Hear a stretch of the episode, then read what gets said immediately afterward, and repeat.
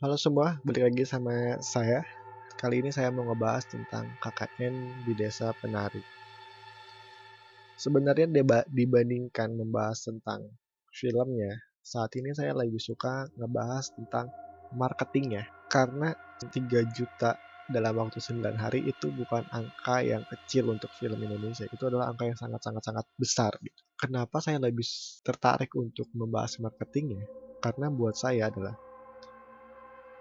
filmnya itu nggak nggak sebagus itu. Maksudnya kalau di compare dengan nilai 3 juta dalam 9 hari itu filmnya nggak segitunya gitu. Nggak mengecilkan filmnya ya. Filmnya emang bagus secara visual baik secara dari perannya juga baik gitu.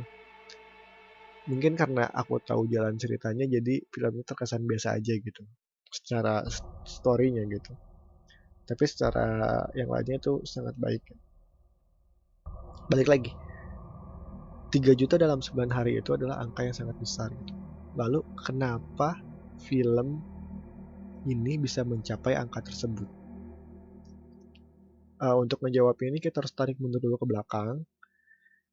Jadi film ini awalnya muncul di Twitter melalui sebuah tweet. Karena ceritanya itu baik karena ceritanya itu mendetail sehingga pembaca yang di Twitter itu ngerasa mudah untuk divisualkan dan mudah untuk terima. Jadi ceritanya itu udah baik, ceritanya udah kuat, ceritanya udah bagus di awal sehingga orang-orang nggak keberatan untuk nge-share lagi cerita ini.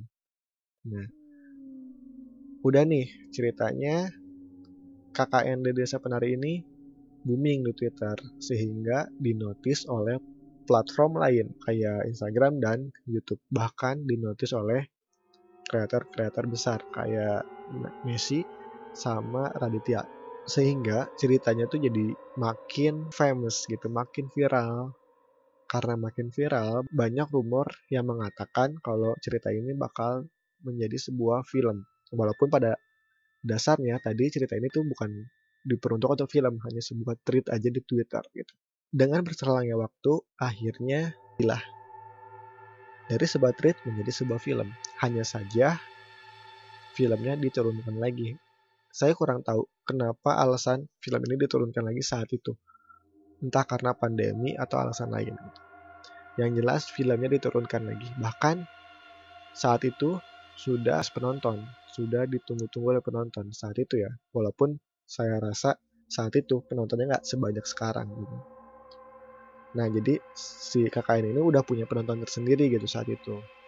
Karena diturunkan lagi, saat akan ditayangkan lagi, dengan atau tanpa promosi yang berlebihan, KKN ini udah pasti ada yang nonton. Yaitu penonton-penonton yang dulu yang akan nonton nggak bisa karena filmnya diturunin lagi atau gagal tayang. KKN-nya udah punya penonton. Yang lebih bagus adalah marketing yang mereka gunakan yaitu menggunakan pilihan antara film uncut dan cut. Sebenarnya dua film ini nggak nggak terlalu berbeda jauh, hanya saja yang uncut itu memiliki adegan uh, lebih dari yang film yang biasa gitu.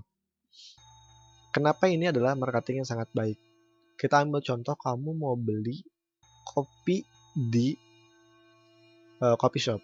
Sebenarnya kamu mau beli itu adalah cappuccino, tapi kamu ditawarkan oleh baristanya ini ada mochaccino yang uh, small dan yang extra big dengan harga yang gak terlalu beda jauh atau mungkin dengan harga yang sama. Maka kamu akan lebih memilih untuk membeli yang mochaccino yang besar Walaupun sebenarnya kamu tadinya nggak akan beli itu, kamu mau belinya cappuccino nih. Tapi karena kamu ditawarin mochaccino yang kecil dan yang besar dengan harga yang sama, kamu akan membeli yang mochaccino yang besar.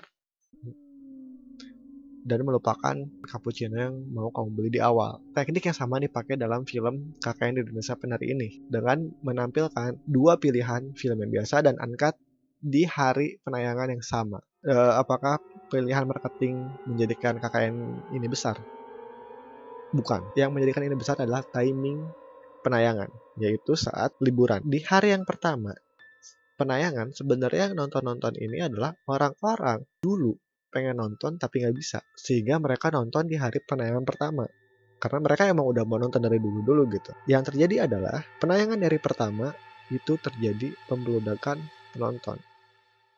Jumlah penonton yang sangat tinggi dan berimbas kepada hari kedua. Hari-hari awal ini menjadi poin penting kenapa KKN di Desa Penari menjadi banyak peminatnya. Karena orang Indonesia itu FOMO. Jadi jadi yang sebenarnya mau nonton KKN ini adalah ya ini orang-orang yang di awal, orang-orang yang dari hari keempat atau ketiga atau keempat terakhir itu adalah orang-orang yang FOMO. Orang-orang yang kenapa sih orang-orang pada nonton itu? Ya udah deh aku juga pengen nonton karena dia gitu. Ini yang menjadikan KKN ini besar gitu. Yaitu adalah testimoninya adalah orang yang nonton di awal itu banyak. Sehingga orang-orang yang belakang menjadi FOMO dan ikut.